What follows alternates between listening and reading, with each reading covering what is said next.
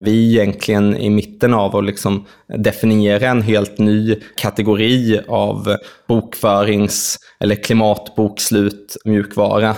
Och det här är liksom en kategori som vi är helt övertygade om kommer bli lika stor som vanlig finansiell redovisning.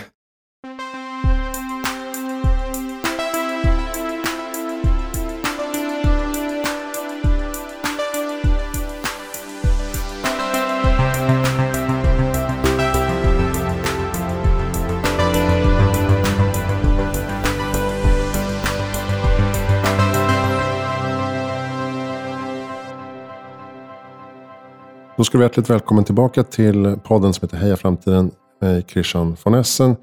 Sitter i min kitchen studio på Roslagsgatan 23 i Stockholm tillsammans med Christian Rönn. Välkommen till podden.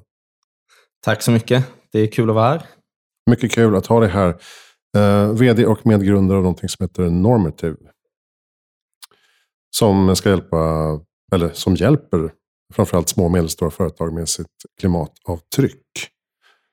Det stämmer bra det. Och eh, framförallt också eh, en del stora bolag också. Eh, så vi, vi har, en, har byggt de senaste åtta åren vad vi kallar en Carbon Accounting Engine. Eh, det innebär att vi hjälper företag att räkna ut deras CO2-utsläpp och hjälper dem att ta rätt actions för att gå mot net zero emissions. Eh, och det här gör vi då för uh, faktiskt några tusentals uh, företag nu uh, och, och, och, hjälper dem gå mot net zero emissions. Ja, det är helt otroligt. Ni, och ni är nu över hundra anställda. Ja, snart är vi hundra anställda och vi har kontor här i Stockholm, London och Köpenhamn.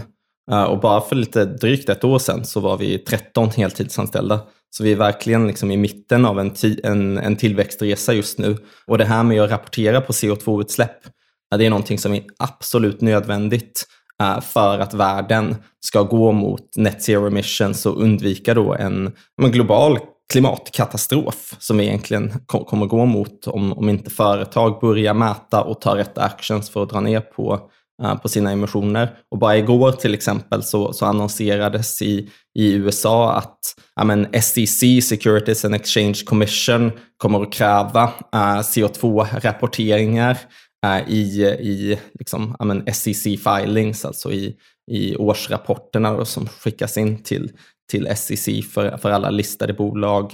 Och vi har samma sak i Europeiska unionen. Det har redan klubbats igenom att 50 000 uh, bolag kommer behöva uh, mäta sina CO2-utsläpp då. Så man kan säga att det här med carbon accounting, det kommer att bli lika stort som uh, financial accounting.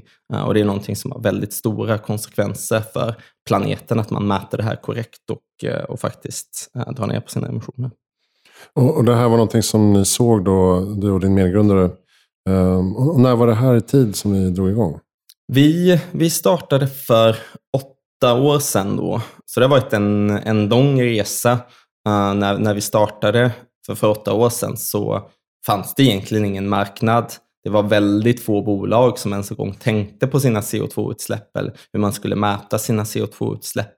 Så jag menar, vi är egentligen i mitten av att liksom definiera en helt ny eh, kategori av vad ska man säga, bokförings eller klimatbokslut eh, mjukvara.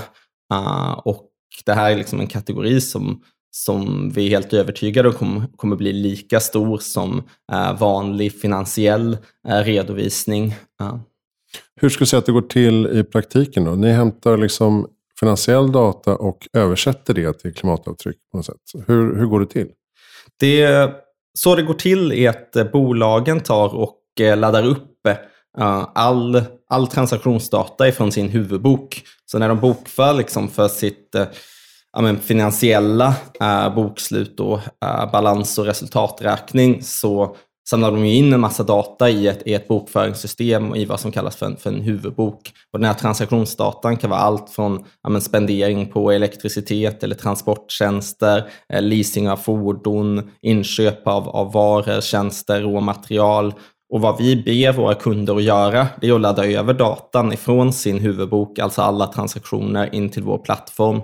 Så tar vi och kategoriserar de här olika transaktionerna och estimera klimatavtrycken. Så alltså klimatavtrycken av inköpet av elektricitet eller uppvärmning av byggnaderna eller eh, klimatavtrycken av ja, transporttjänster och annat. Och det som vi ser som är så himla viktigt med att utgå ifrån den här finansiella datan som finns i de finansiella bokföringssystemen, det är att det är egentligen ett sätt att garantera att vi faktiskt tar med Eh, alla aspekter i, i CO2-beräkningarna. Så vad som är väldigt, väldigt vanligt idag, det är någonting som vi kallar för in, unintentional greenwashing, uh, som vi har pratat väldigt mycket om i internationella medier. Och det är när bolagen inte riktigt vet hur man ska räkna på sina CO2-utsläpp. Så man räknar bara på en liten delmängd. Man kanske bara räknar på CO2-utsläppen från eh, elektricitet. Men det kanske liksom bara är 5 av bolagets totala utsläpp beroende på vad det är för, för bolag. Så genom att då analysera all sån här transaktionsdata så kan vi på något sätt ge en, en garanti att vi tar med alla viktiga aspekter i beräkningen. Och då kan man utifrån det hitta liksom olika hotspots. Då. Så till exempel kan man ju se om ja men, leasing av fordon kanske utgör en, en, en uh, stor del av ens totala utsläpp.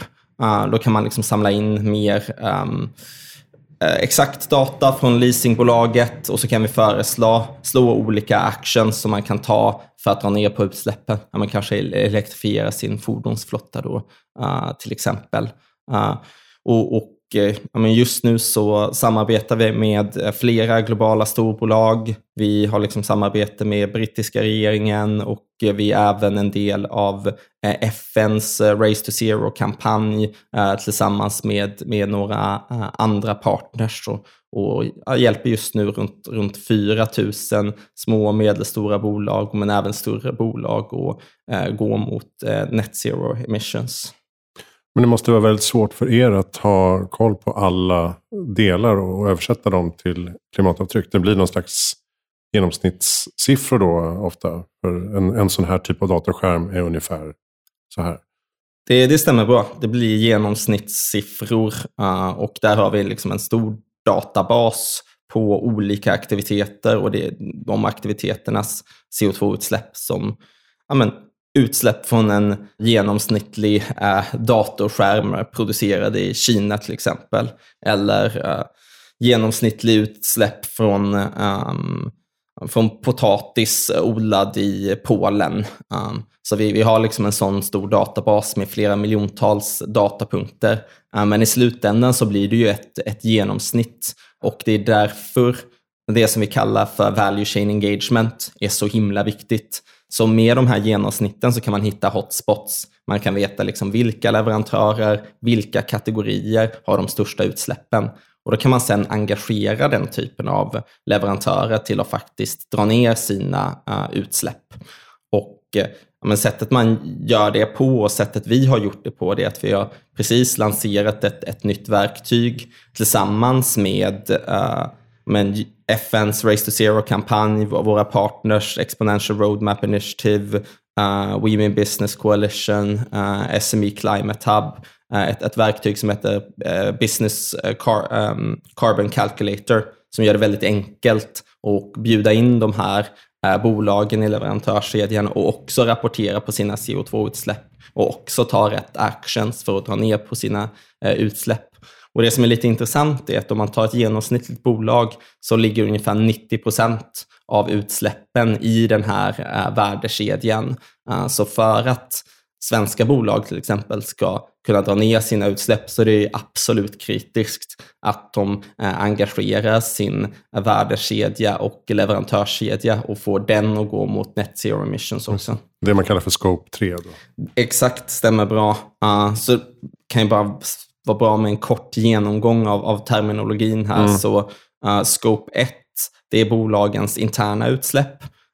Så det kan ju till exempel vara utsläpp från fordonsflottan, utsläpp om bolaget själv producerar liksom elektricitet via en oljepanna. Det kan vara till exempel om du är eh, jordbrukare eh, och har en, en mängd liksom, kor så, så släpper ju de ut metangas då. Så allt det här som är inne i bolagets egna operations är, scope 1. Scope 2 är elektricitet från, från utilities, um, men typ elektricitet, eh, värme uh, till kontoren. Och uh, scope 3 är egentligen allt övrigt indirekt i värdekedjan. Uh, så det kan vara inköp av varor och tjänster, det kan vara affärsresor, det kan vara varutransporter, det kan även vara om du Eh, en investerare och har investerat i en portfölj av andra bolag och de här bolagen eh, släpper ut eh, CO2-utsläpp.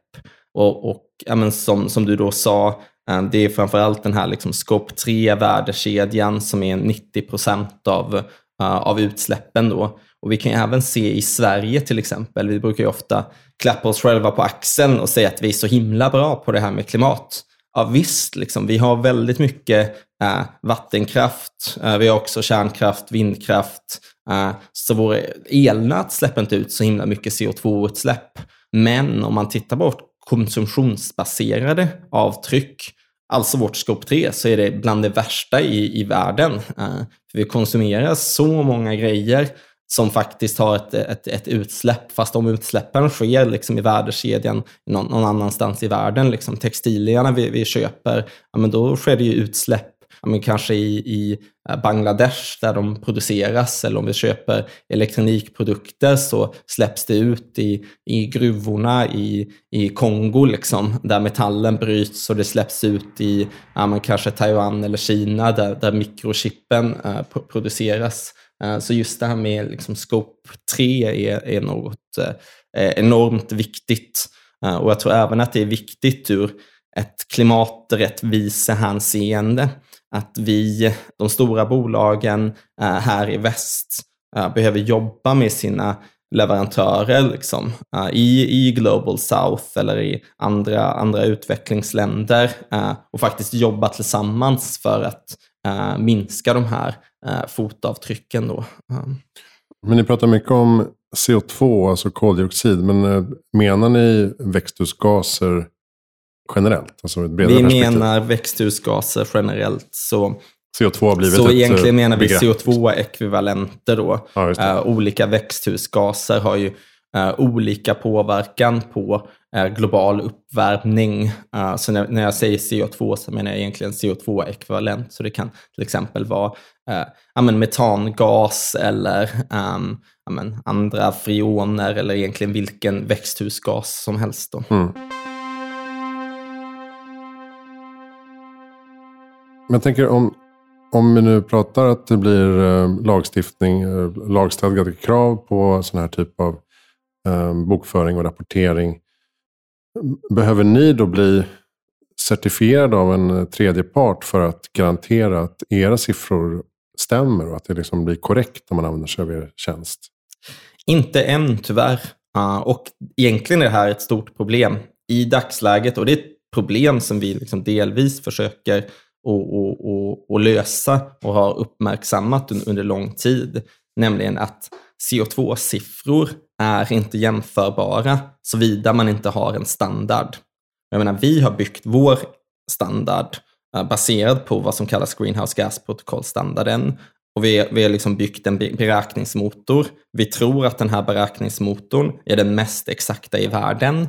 Men det spelar ingen roll om vår beräkningsmotor är mest exakt i världen om en mängd andra företag använder sina egna standarder eller Excel-ark eller vad det nu kan vara för att räkna ut sina CO2-utsläpp.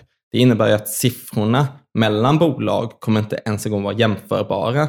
Och Det kanske till och med inte ens en gång är jämförbart inom samma bolag över tid. Men säg att ett bolag räknar ut sina CO2-utsläpp på ett sätt. Uh, men sen den personen som, som räknade ut de här CO2-utsläppen, han kanske flyttar till något annat bolag eller går i pension och sen kommer ta en ny person över och räkna på sina sätt.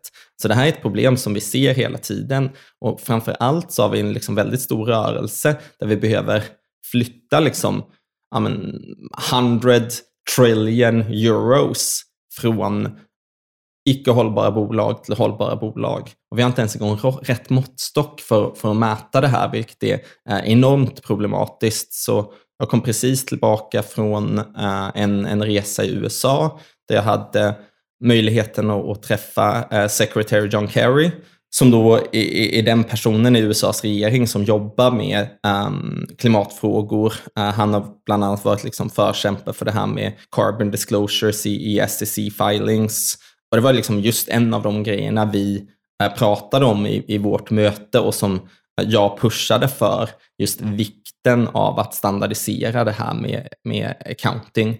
Så min, min förhoppning är, men vi är inte där än, att bolag som oss själva som gör accounting-mjukvara, men även bolag som tar fram men, hållbarhetsredovisningar med CO2-siffror behöver liksom, men, granskas och att det finns en, en, liksom, en officiell granskningsstandard för hur man, eh, hur man gör det här. Det tror jag är liksom enormt viktigt för att ha en välfungerande marknad. Mm. Och ehm, att få reda på sitt avtryck är ju en sak. Eh, sen ska man ju agera också. Och om man in, det man inte kan dra ner då i sin egen verksamhet eller skapa 1, 2, 3 vill man ju då klimatkompensera på andra sätt. Och det här har ni också byggt på då som en tilläggstjänst? Eller hur ska man tolka det? Så vi, det pratas väldigt mycket om vad som kallas för carbon offsets. Vi är väldigt noga med att inte använda det ordet, utan prata om climate investments. Och det alltså finns en inte stor klimatkompensera, skillnad. utan klimatinvestera? Nej, klimatinvestera. Okay. Uh, och klimatkompensera, eller carbon offset som det kallas på, på engelska, det är oerhört problematiskt. För att vi i dagsläget har inte en välfungerande marknad för klimatkompensation. Så kvaliteten av projekt varierar något enormt. Många av de projekten som säljs fungerar inte överhuvudtaget. Så om man tittar, liksom, det gjordes en EU-studie på eh, FNs Clean Developmental Mechanism som är liksom en, en, en artefakt från eh, Kyoto-protokollet. Och Eh, om man tittar på de projekten uh, som framförallt handlar om att plantera träd och bevara skog, så 85 procent av de projekten kunde inte ens en gång påvisa att man reducerade CO2-utsläpp överhuvudtaget. Och det beror på många anledningar. Det, det finns liksom vissa kriterier som man behöver titta på. Det, man behöver titta på additionality. Så additionality innebär egentligen, amen, om jag investerar i just det här projektet, som till exempel att bevara eh, en hektar skog. Kommer det leda till att skogen verkligen bevaras jämfört med vad som hade hänt om jag inte investerade? Så det är till exempel ett stort problem att ja, men, många av de här projekten säljs som att ja, men, vi bevarar skog, men den här skogen hade ändå inte huggits ner på ett bra ja, tag. Så då, liksom, ja, men då bidrar inte de här extra pengarna med någon klimatnytta överhuvudtaget. Ett annat fenomen äh, kallas för leakage. Um, leakage det är helt enkelt när ja, men, en skogsägare kanske säger ja, men, ge mig lite pengar så bevarar jag den här skogen. Men skogsägaren kanske bara har planerat att hugga ner en hektar skog per år i vilket fall. Så nu när de inte hugger ner den här hektaren så hugger de ner en annan hektar istället. Vilket återigen innebär att äh, den här investeringen spelar väldigt lite roll. Ett, ett ja, 3D-fenomen kan vara double counting. Äh, säg till exempel att ett, ett bolag ja, men, betalar för en sån här um, klimatkompensation i, i ett annat land säg Brasilien uh, för att bevara en, en, en hektar skog. Uh, och då säger det här bolaget att amen, jag tar credit för att jag har bevarat den här skogen. Men då kanske liksom Brasiliens regering eller skogsägare säger samma sak. Och då plötsligt dubbel, dubbelräknar vi liksom mm. crediten. Så det här med double counting är ett, är ett annat stort problem. Men ett fjärde stort problem som är in, borde talas mycket mer om, det är eh, permanens. Hur länge stannar eh, koldioxiden från atmosfären i ett visst sånt här eh, eh klimatinvesteringsprojekt? Och det är väldigt stor skillnad. Men vissa av de här skogsprojekten, men där är CO2 bara bundna till, till träden i kanske tio år innan skogen huggs ner eller bränns ner. Men har man någonting som till exempel, tar man något som Climate Works, de bygger liksom stora fläktar, tar och drar ut CO2 ur atmosfären och sen gör om det här till någon typ av mineralsten. Liksom. Den stenen kommer stanna och vara sten i men, tiotusentals, om inte hundratusentals år. Ah, så det finns en viktig princip där att när vi släpper ut CO2-utsläpp så stannar den här CO2 i atmosfären i 500 år, kanske 1000 år. Så om vi då betalar för ja, men, ett ton som bara stannar ute från atmosfären i 10 år och sen kanske vi betalar för ett ton som stannar ur atmosfären i 10 000 år. Det är väldigt stor skillnad, men marknaden och företagen förstår inte den skillnaden. Att ja, men ett ton är inte alltid ett ton, utan det är ton gånger antalet år, alltså tonår, som egentligen mm, är, spelar roll. Så vad jag försöker säga med hela den här långa ut, utläggningen, det är att det här med investeringar i nature-based solutions, i att plantera träd, i att bevara skog, i att dra ut CO2 från, från atmosfären, det är enormt viktigt för att uppnå våra klimatmål. Men det, precis som allt annat, kräver rätt standarder och rätt accountingprinciper. För annars är det väldigt lätt att, att um, ja, men, ja, ägna sig åt greenwashing. Och det är det vi ser att många företag ägnar sig åt vad vi kallar för unintentional greenwashing. Så unintentional greenwashing, det är när du men inte har standardiserade beräkningsprinciper för hur du räknar ut dina CO2-utsläpp. Du kanske bara räknar på din elektricitet för det är enkelt att räkna. Så det slutar med att du kanske räknar på bara 10% av dina utsläpp. Eh, och sen tänker du att ja, men det här med att liksom, ja, men, betala för att bevara skog, det låter som en kanonbra idé. Um, så då, då spenderar jag lite pengar på det. Jag kanske betalar uh, men, en uh, euro per eh, ton. Men faktum är att väldigt få av de här projekten faktiskt uh, har någon positiv påverkan överhuvudtaget. Så det blir liksom multiplikativt att om du tar och bara räknat ut 10% av dina utsläpp och sen investerar i projekt som faktiskt bara uh, drar ut 10 av, av CO2 som de påstår uh, sig mitigera, ja, men då blir det att du egentligen bara har tagit bort 1% av dina totala utsläpp. Uh, medan företagen tror att de har tagit bort 100% av sina utsläpp. Men egentligen har de bara tagit bort mm. 1 och sen sätter de liksom någon stämpel att nu är vi klimatneutrala. Um, och jag menar, jag, igen, liksom, jag, jag säger inte att man inte ska investera i klimatkompensation. Utan vad jag säger är tvärtom så är det enormt viktigt att investera i klimatkompensation. Eh, men det är enormt viktigt att göra det med integritet. Så man investerar i rätt projekt och att man investerar med rätt accounting baseline, alltså med rätt klimatbokslut med korrekta siffror. För annars så eh, blir det lätt att man ägnar sig åt greenwashing utan att ens en gång uh, veta om det. Några speciella branscher som du tycker är mest spännande att jobba med? Som har störst behov av era tjänster? Egentligen inte. Det som är väldigt spännande med just det här med carbon accounting och klimatbokslut, det är att alla branscher påverkas. Uh, så vi jobbar med liksom bolag inom energi, logistik, bygg, industri, manufacturing, retail. Vi, vi jobbar liksom, liksom all, alla industrier. Uh, men framför allt tycker jag nog att det är spännande att jobba med bolag som har höga scope 3-utsläpp. Um, ehm, för att då kan man jobba tillsammans med bolagens värdekedja. Och det tror jag kan ha liksom ripple effects. Jag tror att den här typen av nätverkseffekter är absolut nödvändiga för att världen ska gå mot net zero emissions. Alltså att jag, menar, jag är ett stort bolag och har en stor del av mina utsläpp i min leverantörskedja så behöver jag hjälpa mina leverantörer och bjuda in mina leverantörer till plattformen. Så, så det tycker jag är, är extra spännande. Eh, för då får man liksom den här multiplikatorn där eh, fler och fler bolag uh, tar någon typ av, uh, av action. Då. Mm. Men vad är det för typ av klimatinvesteringar som ni erbjuder? Då? Ja, så vi har precis uh, börjat erbjuda det här. och det är egentligen att vi har tagit fram en, um, men en portfölj av olika projekt som vi, som vi tror på.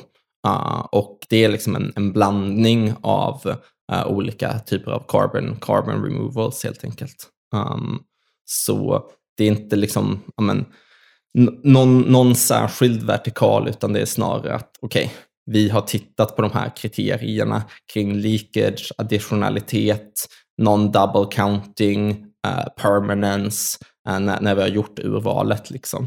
Okej, okay. så det är, är det mer techorienterat än just eh, uh, plantera träd?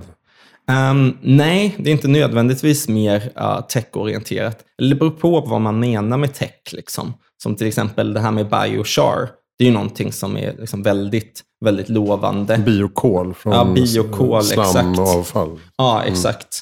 Mm. Uh, och det är ju liksom en viss, vad ska man säga, teknik uh, som, som krävs för att göra det. Um, men det är inte liksom på samma high-tech-nivå som, uh, som till exempel direct air carbon capture through mineralization, liksom, och ha stora fläktar som drar in uh, CO2-utsläpp. Liksom. Mm. Men båda kan vara relevanta? Ah, ja, absolut. Båda är relevanta. Um, så, och det finns uh, det är väldigt spännande att se att det kommer väldigt många nya uh, startup-bolag som, som jobbar med olika lösningar på liksom, ja, permanent ta bort CO2 ur, ur atmosfären. Om, med permanent, ingenting är ju permanent i liksom geologisk skala, men i alla fall att, det, eh, att vi pratar om tusentals år. Liksom. För det kräver någon typ av ekvivalensprincip, att om CO2-utsläppen stannar upp i atmosfären i tusen år, släpper jag ut ett ton och det stannar i tusen år. Om jag vill ta bort ett ton så vill jag att det ska stanna utanför atmosfären i tusen år.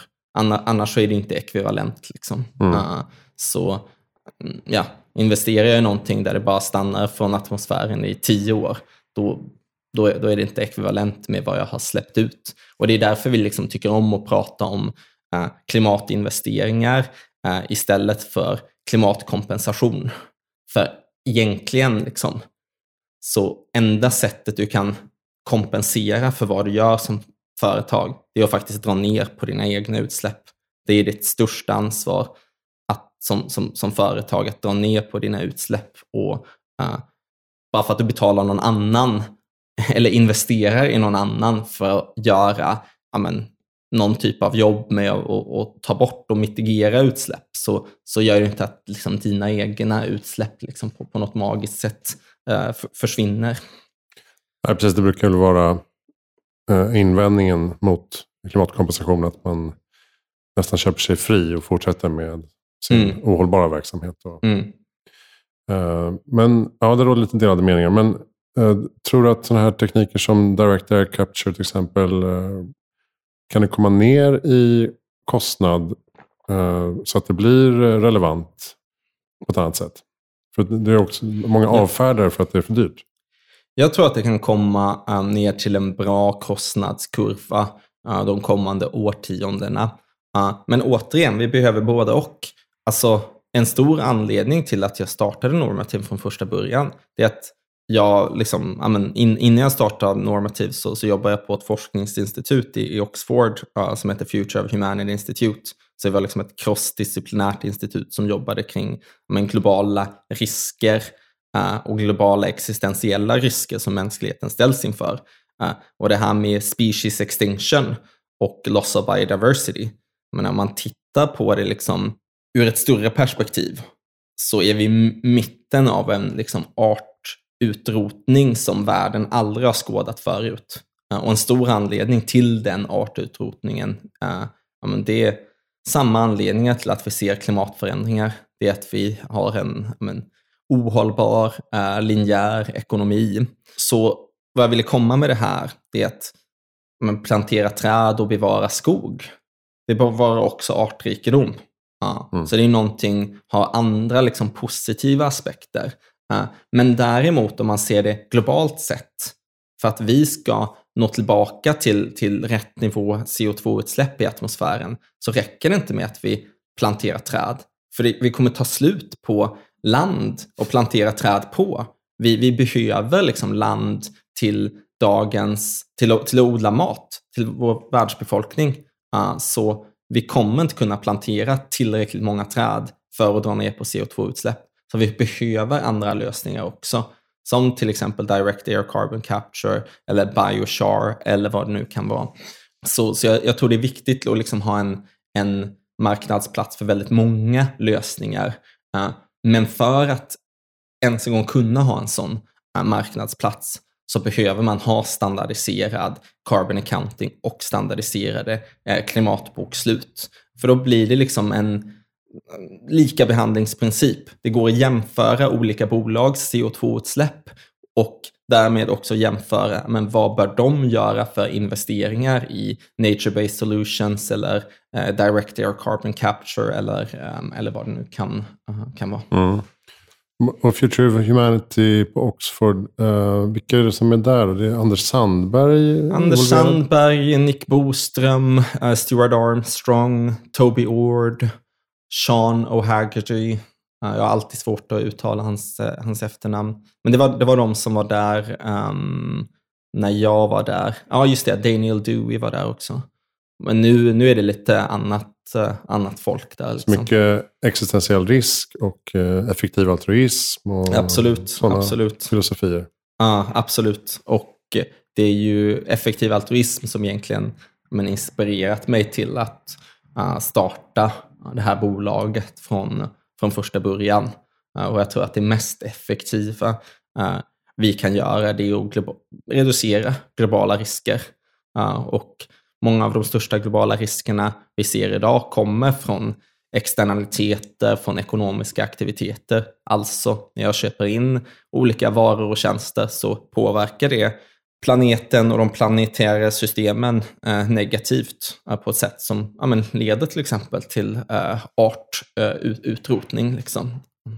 Så det var det du fastnade för där då? För det finns ju en, en palett av existentiella hot. Ja, det stämmer. Nu alltså, är vi inne man... på kärnvapen istället. ja, ja, men exakt. Och det var ju någonting som vi jobbade med också. Mm. Liksom, ja, men, kärnvapen, klimatförändringar, AI. globala pandemier, AI, AI-risker är någonting som jag tror är högst, högst relevant och viktigt också. Men jag kan, men kanske bara lite så här historiskt sett. En viktig del i mitt liv, varför jag gör det jag gör, det är att jag har som princip att jag vill leva mitt liv med full intentionalitet. Och för mig så innebär det att leva enligt mina värderingar. Um, och men en ögonöppnare för mig, det var egentligen när jag var sex, sju år gammal. Um, vi bodde då i Hör, uh, som är en, en väldigt liten ort uh, i eh, Skåne. Uh, nära här så fanns en djurpark som hette Skånes djurpark där man kunde ja, men, klappa får och getter och uh, men, allt, allt möjligt. Uh, och jag insåg väl vid tidig ålder att okej, okay, de här djuren som jag äter som en del av, av, men av, av min mat faktiskt påverkas negativt och dör på grund av min konsumtion. Alltså samma djur som jag um, ja, men, klappar nästa dag liksom, uh, som, som vi besöker djurparken. Och det fick mig då att fatta, alltså det skapade en väldigt stor kognitiv dissonans och inte leva enligt sina värderingar. Och mitt enda sätt att, att, att ta mig ur det där var att ja, men, helt enkelt välja att bli vegetarian vid väldigt tidig ålder. Och jag menar, sen dess så har jag alltid liksom varit lite grann sökande och tänka efter, men hur kan jag leva utifrån mina värderingar fullt ut och vad är mina värderingar? Och sen när vi fick tillgång till, till internet när jag var ja, men kanske 12 år eller något sånt så, så började jag ja, men söka väldigt mycket på, på internet, på Wikipedia, läsa filosofiartiklar och kom fram till att ja, men det finns ju faktiskt en filosofi för det här som kallas för uh, utilitarism, vars princip är att du bör maximera eh, välbefinnande i världen och minimera lidande. Och det var någonting som jag verkligen fastnade för eh, vid tidig ålder. Och sen on, ja, men, online eh, så, så hittade jag liksom en ehm, grupp med vänner som ja, men, tänkte lite samma sak. Uh, så ja, men väldigt, väldigt tidigt så blev jag en, en del av det som sen senare kallades då Eh, effektiv altruismrörelsen. Då. Eh, det var det som fick mig att flytta till, till Oxford och sen jobba på det här med globala risker. För man ser på liksom, ja, men, om man ser på alla medvetna varelser som, som existerar och kommer existera så lever, finns nästan alla liv i framtiden. Om man ser bara på vår egen planet så har den här planeten kapacitet eh, Eh, till liv i ytterligare en miljard år. Eh, vilket gör att vi pratar liksom miljarders miljarder eh, potentiella liv. Och om vi tar död på allt liv på jorden idag så påverkar inte det bara oss idag, utan det påverkar alla de här miljarders miljarden potentiella liven i, i framtiden. Så det fick mig att bli väldigt övertygad om om jag bara kan spela en väldigt, väldigt liten roll i att reducera den här typen av globala risker så skulle det ha väldigt stor påverkan. Men om det bara är 0,00001% sannolikhet eller lägre så att, att jag faktiskt kan reducera någon sån här global risk eh, så är det, är det värt liksom min fulla eh, energi att faktiskt, faktiskt göra det. Mm, just det. Jag hör, eh, antar att Peter Singer har varit eh, Ja, absolut. Han relevant. har varit en stor eh, inspirationskälla. Eh, Peter Singer och sen även mina tidigare kollegor på, på Future Humanity Institute. Så, amen, Nick Boström och uh, hans, um, hans uh, research kring, kring globala existentiella risker. Samma sak med, med Anders Sandberg, Toby Stewart. Det är uh, väldigt uh, inspirerande gäng att ha fått, fått jobba med. Mm, verkligen. Och Anders Sandberg har vi haft i podden tidigare, ett kort avsnitt. Och uh, om man vill läsa mer om det här så är ju Toby Wards bok The Precipice som ofta brukar lyftas fram som den husbibeln numera. Mm. Eller hur? Hej, ursäkta att jag stör, men jag kommer in med ett litet reklamavbrott här. Eh, Heja Framtiden växer ju nu till ett regelrätt litet mediehus egentligen. Jag jobbar just nu febrilt med mina briljanta partners för att sy ihop två stycken printmagasin som ska distribueras med Dagens Industri i juni. Det ena är Framtidens hållbara matsystem som gör för fjärde gången och det här produceras i samarbete med branschorganisationen Livsmedelsföretagen. Dessutom så gör vi ett annat eh, försök på framtidens hållbara transportsystem tillsammans med forskarteamet Sustaintrans på Blekinge Tekniska Högskola. Mycket kommer handla om elektrifiering förstås. Det blir vägtrafik och gods och mikromobilitet och flyg, tåg, sjöfart, allting. Eh, så att framtidenshållbara.se är den plattformen där allting samlas från de projekten. Och eh, kontakta oss gärna för eh, offert om ditt företag vill med och synas i en lösningsorienterad och framtidsoptimistisk kontext. Jag har dessutom börjat blogga på coworkingföretaget United Spaces hemsida, unitedspaces.com. Eh, varje fredag där skriver jag om framtidens arbetsliv och roliga startups och andra spaningar som kommer min väg. Håll utkik efter det. Och som kronan på verket så har jag smugit igång ett eget litet bokförlag också. Heja Framtiden förlag. Första utgivningen sker nu tillsammans med Warp News. Den heter Naiva pessimister och det är journalisten Rika Gert som har kartlagt några av historiens största domedagsprofeter och teknikpessimister. Det visar sig nämligen att de oftast har ganska fel i sina förutspåelser om den nalkande undergången. Eh, den boken samt mina två egna böcker, Vad händer nu med framtiden? och Nu fattar jag, som jag skrev tillsammans med Henrik Smolak från Under 15. Båda, alla tre eh, finns att beställa i Heja Framtidens nya webbshop Eh, gör det om du vill stötta det jag gör. Eh, länken finns på hemsidan. När jag spelar in detta är det snart maj. Jag ska hinna med väldigt mycket under den här månaden. Bland annat kommer jag att befinna mig på två viktiga mässor. Först ut är Nordic Future Food på Kistamässan 11-12 maj. Där jag ska podda och intervjua spännande aktörer inom foodtech och framtidens matsystem. Boka biljett på nordicfuturefood.se. Och så har jag ett finfint samarbete med Nordic Sustainability Expo på Stockholmsmässan veckan därpå, 17-18 maj. Landets främsta hållbarhetsexperter kommer vara på plats för att ställa ut och samtala, föreläsa och nätverka. Jag är där med poddmicken och kommer ha lite, förhoppningsvis lite sensamtal också. Jag är med hela vägen, 17-18 maj. NordicSustainabilityExpo.se. Skaffa din biljett redan idag.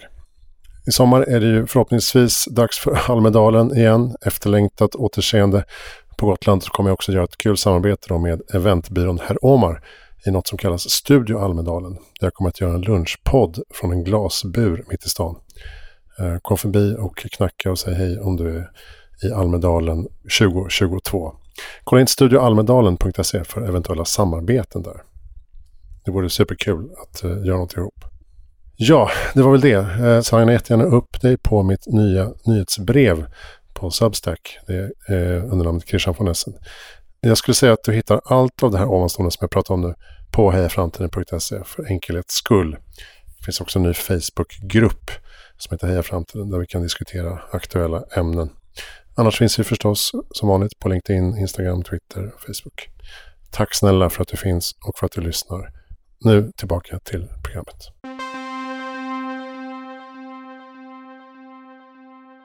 Vad är ditt bästa tips för att göra världen bättre i framtiden? Det är väl precis det Effektiv altruism eh, funderar på. Bra fråga. Jag skulle besöka uh, eh, 80 000 hours. Mm, så googla 80 000 hours eller gå org. till 80 Och så har de en karriärguide för menar, hur man kan ha så stor påverkan som möjligt i sin karriär.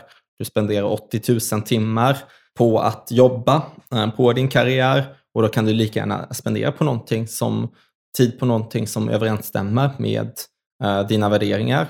En grej du kan göra om du är intresserad av att, att jobba med klimatförändringar är att jobba på ett företag som Normative till exempel. Du kan kolla på vår, vår hemsida ja, vad vi har för eh, annonser ute. Um, men eh, generellt sett så, um, för de som, som har liksom en entreprenöriell anda så kan det också vara ett sätt att ha väldigt stor uh, påverkan. Men jag tror man behöver ett visst liksom, mindset för att ge sig in i entreprenörskap. Eh, det är, men, om, man, om man bara tar vårt eget företag, men det tog ju oss sex år innan och vi liksom kunde få komma igång överhuvudtaget. Och det är egentligen bara i senaste ett och ett halvt året som vi har liksom haft men, många, många kunder som har gått med i plattformen. De tidigaste sex åren var egentligen att liksom slår sitt huvud blodig mot en, mot en vägg sådär. Och det är en liksom, stor del av, av entreprenörskapet mm. egentligen. Och, eh, och eh, inte, eh, inte ge upp. Eh, eller att ge upp om, om man inser att det, det man gör inte kommer att funka. Anledningen till att jag inte gav upp, det var ju att jag visste att världen går emot Amen, vi, vi, vi måste reducera våra utsläpp. Det, det finns ingen annan väg.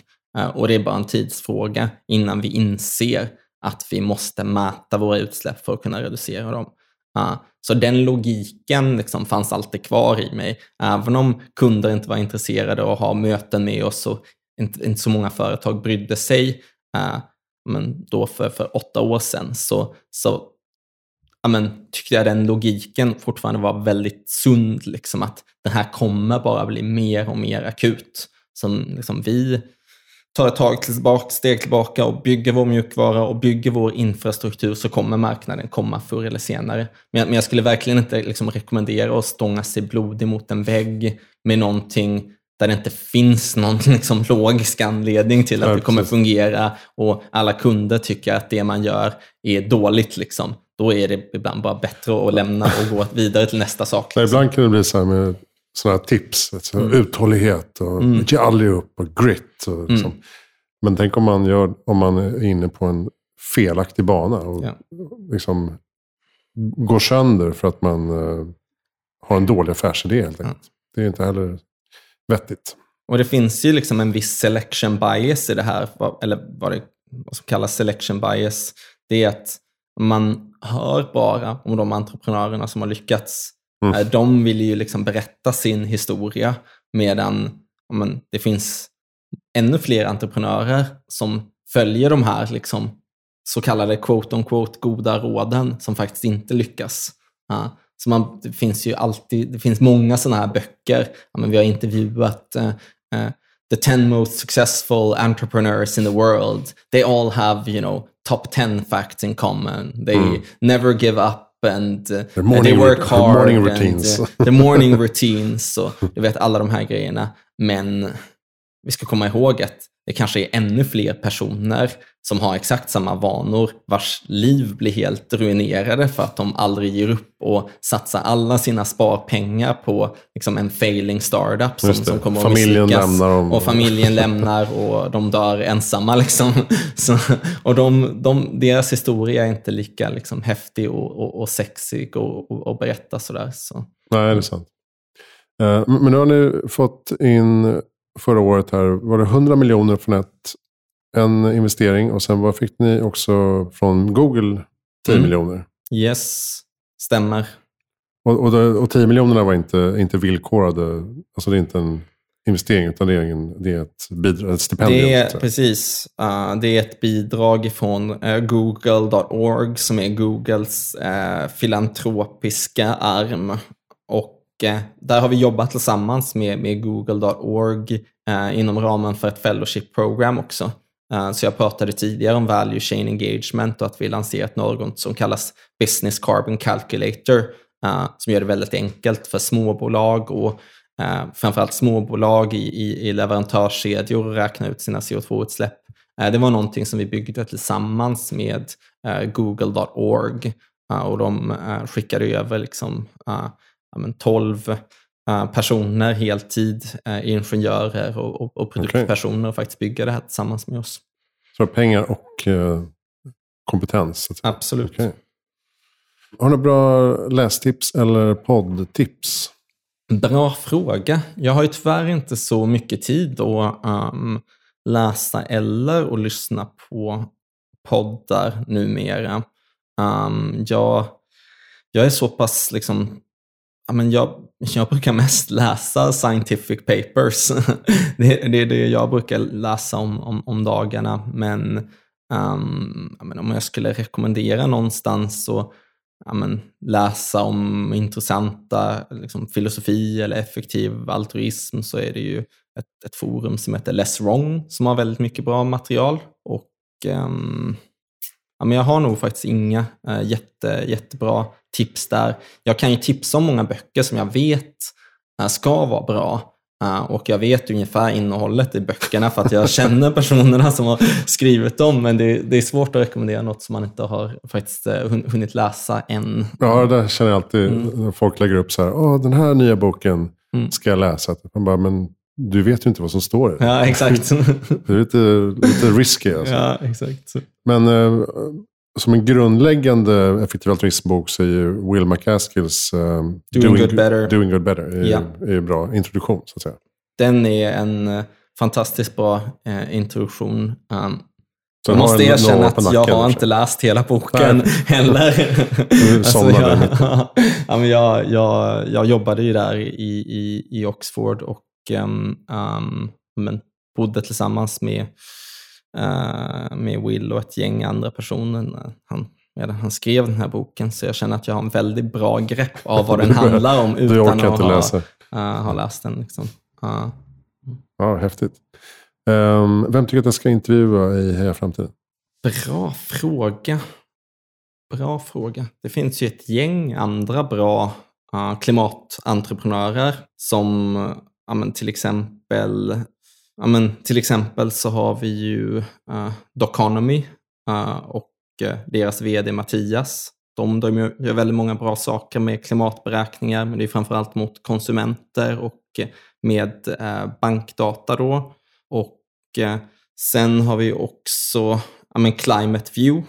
De jobbar ju framförallt med liksom kommuner och regeringar. Och det är lite intressant. Vi, vi konstaterade då men både vi, Economy och, och Climate View, att vi kommer ju alla från Sverige och vi är kategoriledande med carbon accounting mot företag och eh, amen, klimatdata mot eh, kommuner och regeringar eh, och klimatdata mot eh, konsumenter respektive. Mm. Och vi, vi liksom sitter alla i, i Stockholm. Så det tyckte jag var ganska, ganska intressant. Ja, verkligen. Eh, Einar Bodström, ja, precis. Einar, hade jag i avsnitt 250.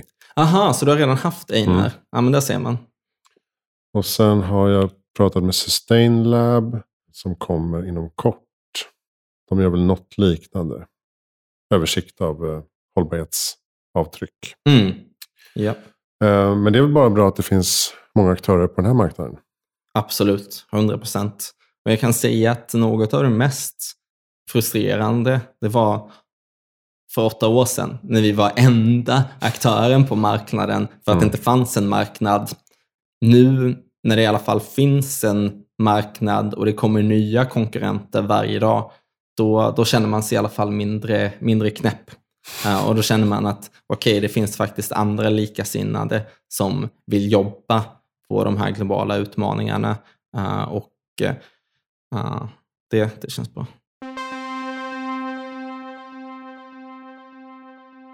Har du, känner du hoppfull inför framtiden eller är det fortfarande är det blandat oro och hopp? Jag kan säga att varannan dag är förtvivlan och varannan dag är hoppfullhet. Jag kan säga att jag har känt väldigt stor hoppfullhet de närmaste ett och ett halvt åren.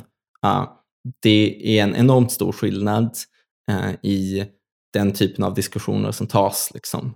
Där, det har flyttats liksom från att men bara vara någon grej som marknadsavdelningen pratar om på företaget till något som, som vdn och styrelsen eh, pratar om också. Och det finns fler företag än någonsin som har net zero targets, uh, vilket är, är, enormt viktigt. Och uh, om man ser från uh, ja, COP26 i Glasgow då förra året, vi, vi var där också, så var det ett steg i rätt riktning. Om man liksom slår ihop alla commitments som, som gjordes av alla världens länder så är vi fortfarande inte på liksom, en och en halv, under en och en halv grad, vilket vi måste vara. Men vi är betydligt närmare en och en halv grad i alla fall. Eh, så på så sätt så, så är jag hoppfull. Och det, liksom, just när det gäller klimatförändringar så är det inte så binärt som att okej, okay, antingen så går hela världen under eh, eller så klarar vi oss och lever lyckliga i alla dagar. Utan allt, det finns ett mellanting.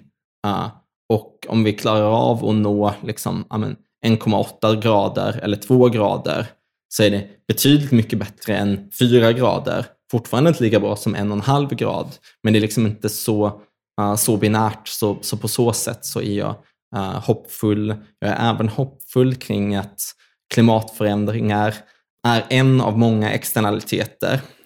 Och om vi hittar ett bra sätt och rätt accountingprinciper uh, för att företag ska ta ansvar för klimatförändringar då kan man applicera liknande principer för att de ska ta ansvar för andra externaliteter också. Uh, som luftföroreningar eller vattenförsurning eller uh, övergödning eller vad det nu än kan, uh, kan vara. Alltså det känns som att vi går i, eh, i rätt riktning, men i slutet av dagen så går vi inte i rätt riktning tillräckligt snabbt. Nej, och sen är väl det, det positiva är väl också att vi, eh, om arbetet utförs så eh, det är ingen risk. Alltså om det skulle visa sig att världen inte går under trots allt så har vi ändå bidragit till, till en bättre värld. Alltså det finns ja, ingen... 100 procent. det finns ingen uppoffring på det sättet. 100 procent. Uh, och uh, att göra oss av med fossil fuels uh, i vår världsekonomi, det måste vi göra förr eller senare för att det är en ändlig resurs. Uh, så vi är betydligt i en bättre situation om vi gör oss av det tidigare snarare än, eh, än senare. Så absolut 100 procent. Och, och återigen, liksom, det, är inte, det är inte så binärt som att antingen går hela världen under eller så eh, lever vi lyckliga i alla våra dagar, utan eh, allt finns i ett spektra däremellan. Och kan man bara göra en liten, liten skillnad på det spektrat så spelar det väldigt, väldigt stor roll. Nick Boström, förutom existentiell risk, så pratar han ju om någonting som kallas för astronomical waste. Och det är ju om men, handlingar som vi tar idag som till exempel kan leda till ja, men, lägre ekonomisk tillväxt över, som har ripple effects de närmsta tusen åren. Liksom, ja, men, det spelar väldigt stor roll också på, på totalen, på totalen ska man säga, välbefinnande i, eh, i världen. Så allt däremellan, eh, undergång och eh, total lycka eh, är, är där den verkliga världen finns. Mm. Eh, och varje, varje liten centimeter man kan flytta sig på den skalan så att säga är väldigt viktig. Men tror du att det binära synsättet är problematiskt? Eller behöver man den här deadline inom citationstecken för att folk ska agera? Jag tror att man behöver sätta någon typ av stick in the ground. Så below 1.5 tror jag är enormt viktigt. Och det är som med allt annat. Det, det finns någonting som kallas planning fallacy. Och det är att, jag menar, sätter du ett eh, visst datum liksom, så kommer man göra jobbet i sista sekund i vilket fall som helst. Så om man vill ha ett, ett visst jobb gjort en viss tidpunkt så är det bättre att sätta liksom en, en, en red line eh, och sätta det tidigare snarare än senare. Så kanske man inte når till 100% av, av resultaten, vilket återigen, jag vill påpeka att vi absolut måste. Um, så, så jag tror att det, det, är viktigt med det här binära synsättet i vissa aspekter. Men i andra aspekter så tror jag att liksom ett, ett binärt synsätt är liksom enormt uh, skadligt. Så det beror nog på vad det, vad det har att göra med. Mm. med. Med klimatförändringar så tror jag faktiskt att det är, är, är bra att vi, vi ser på det binärt. För att i, i viss mån så är liksom ja, men, konsekvenserna av klimatförändringar blir exponentiellt värre, vilket gör att det är liksom semi-binärt så att säga. Mm. Um, med, medan andra system som, jag vet inte, kanske polarisering inom politiken så är det enormt problematiskt att, att det är binärt. Liksom. Då bör man se saker och ting liksom lite mer nyanserat. Så jag, jag tror inte det finns ett bra Nej, svar precis. i det generella fallet om man borde se saker och ting mer binärt. Jag än, tänker mer för gemene man att man mm. Eh, tror att det finns ett datum då allting liksom mm. faller på något mm. sätt. Mm. Att unga växer upp med tron att så här, yeah. efter 2030 så typ, om vi inte klarar det, då mm. kommer jorden i princip gå under. Ja. Och det, det, tror, det tror jag är um, problematiskt, för det är inte, det är inte sant. Liksom. Um, alltså klimatförändringar är förmodligen inte en existentiell risk, utan snarare en global katastrofal risk. Mm. Um, så vi behöver nog inte vara rädda på för liksom jordens totala undergång. Um, men vi bör vara rädda för extremt svåra katastrofala uh, konsekvenser. Men det, det är svårt det här med klimatpsykologi. Liksom. Um, för att om, om, man ser på det binärt, men det kan innebära att man engagerar en mängd personer som inte hade varit engagerade, men det kan ju också innebära att man alienate um, precis lika stor andel uh, som känner att uh, det är kört ändå. Jorden mm. kommer gå under. Jag kan göra vad jag vill, liksom. det spelar ingen roll. Allt kommer gå under ändå. Så jag tror det är viktigt att vara liksom lite strategisk i hur man Eh, kommunicerar eh, risker för att liksom få, få rätt, eh, amen, rätt beteende. Mm. Och ser du att, eh, att företagen har den kanske viktigaste rollen i den här omställningen? 100 procent. Um, jag menar, även om det var liksom framförallt världens regeringar som träffades i eh, Glasgow förra året och pratar om sina klimatmål så är det företagen inom ländernas gränser som släpper ut all CO2-utsläpp. Det är ju inte liksom, det är inte regeringskansliet eller Rosenbad som släpper ut liksom alla CO2-utsläpp, utan det är ju de stora företagen inom svenska rikets, rikets gränser. Um, så det gör det liksom absolut eh, kritiskt att, att företagen släpper ut. Och Jag vill också lägga till att det här med en liksom, personlig klimatbudget. Många pratar om sina personliga klimatutsläpp. Det är klart man ska ta de här klimatutsläppen med i beräkningen, men i mångt och mycket så har det här varit liksom en propagandauppfinning från eh, British Petroleum och Big Oil för att skjuta över ansvaret till konsumenter när det egentligen är företagens ansvar. Och vi skulle inte resonera på samma sätt när det gäller men, livsmedel i en livsmedelsbutik. Liksom. Men säg att jag går in och köper ett äpple äh, och det äpplet innehåller så mycket bly så att det tar död på mig. Liksom då har jag en anledning att klaga till företaget. Då, då kan ju inte de säga liksom att amen, amen, du borde ju ha kollat på vår blybudget på innehållsförteckningen. Liksom.